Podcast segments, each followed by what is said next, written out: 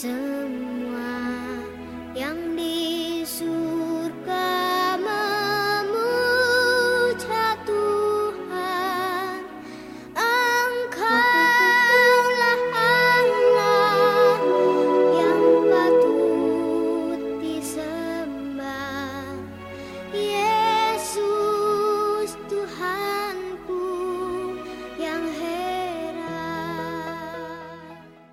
Shalom, selamat pagi anak-anak. Pagi hari ini mari kita awali dengan bersaat teduh memberikan waktu untuk Tuhan. Mari kita berdoa bersama-sama.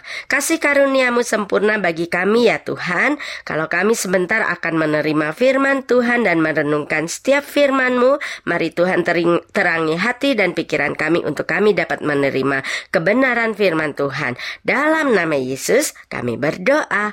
Haleluya. Amin.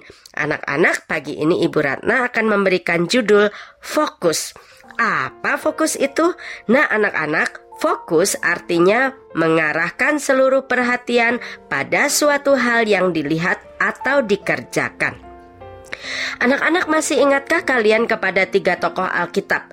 Yaitu Sadrak, Mesak, dan Abednego.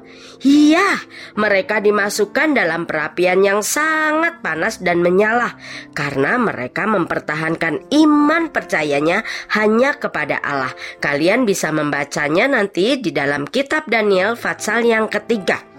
Sadrak, Mesak, dan Abednego mereka tidak menyerah. Mereka tetap hanya menyembah kepada Tuhan yang benar meskipun harus menerima resiko. Mereka dijebloskan ke dalam dapur api yang menyala-nyala. Wow, keren! Mereka tidak takut dengan sanksi atau hukuman yang diterima. Kok bisa begitu ya? Nah, anak-anak, Sadrak, Mesak, dan Abednego berani dan tidak takut dimasukkan ke perapian karena mereka fokus kepada Allah. Seluruh perhatian mereka hanya tertuju kepada Allah yang menyelamatkan jiwa mereka.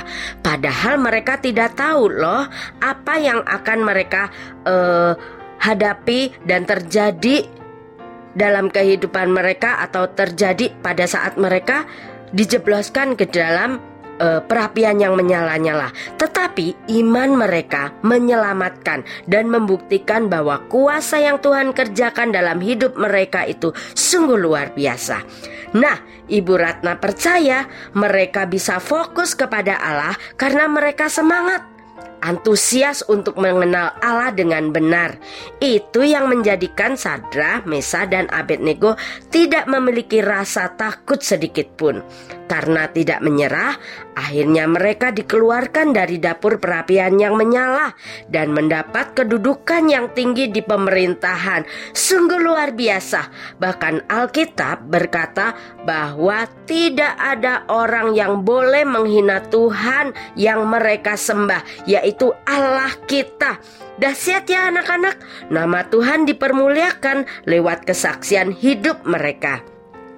Anak-anak, sikap semangat dan tidak mudah menyerah membuahkan hasil yang sangat luar biasa.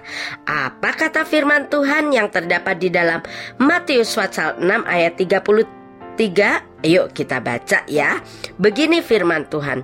Tetapi carilah dahulu kerajaan Allah dan kebenarannya, maka semuanya itu akan ditambahkan kepadamu. Wah, firman Tuhan berkata, jika kita sungguh-sungguh mengutamakan Tuhan Yesus lebih dari apa pun dan hidup kita dalam keberanian, maka semua yang terbaik akan Tuhan berikan kepada kita. Mari pagi ini kita tetap fokus dalam mengutamakan Tuhan Yesus ya. Lebih dari kesibukan dan kegiatan kita sehari-hari. Sehingga Tuhan Yesus pun memberikan yang terbaik buat hidup kita. Amin firman Tuhan. Happy Thursday and God bless you all. Kita berdoa bersama-sama. Terima kasih Tuhan Yesus. Tuhan Yesus sudah memimpin kami untuk kami boleh belajar fokus mengarahkan seluruh perhatian kami kepada Tuhan saja yang selalu memberikan kemampuan dan kekuatan kepada kami untuk dapat melakukan setiap perkara. Terima kasih Tuhan Yesus. Kalau sebentar kami akan belajar, biarlah firman-Mu tetap teringat dalam hati dan pikiran kami sehingga Tuhan itu menjadi penuntun bagi kehidupan dan kegiatan kami setiap hari. Tuhan memberkati kami semuanya dan memberikan hikmat kepada kami. Kami mau belajar fokus. Terima kasih Tuhan, di dalam namamu yang kudus kami boleh mengucap syukur. Haleluya. Amin. Selamat pagi, selamat belajar. Tuhan Yesus memberkati.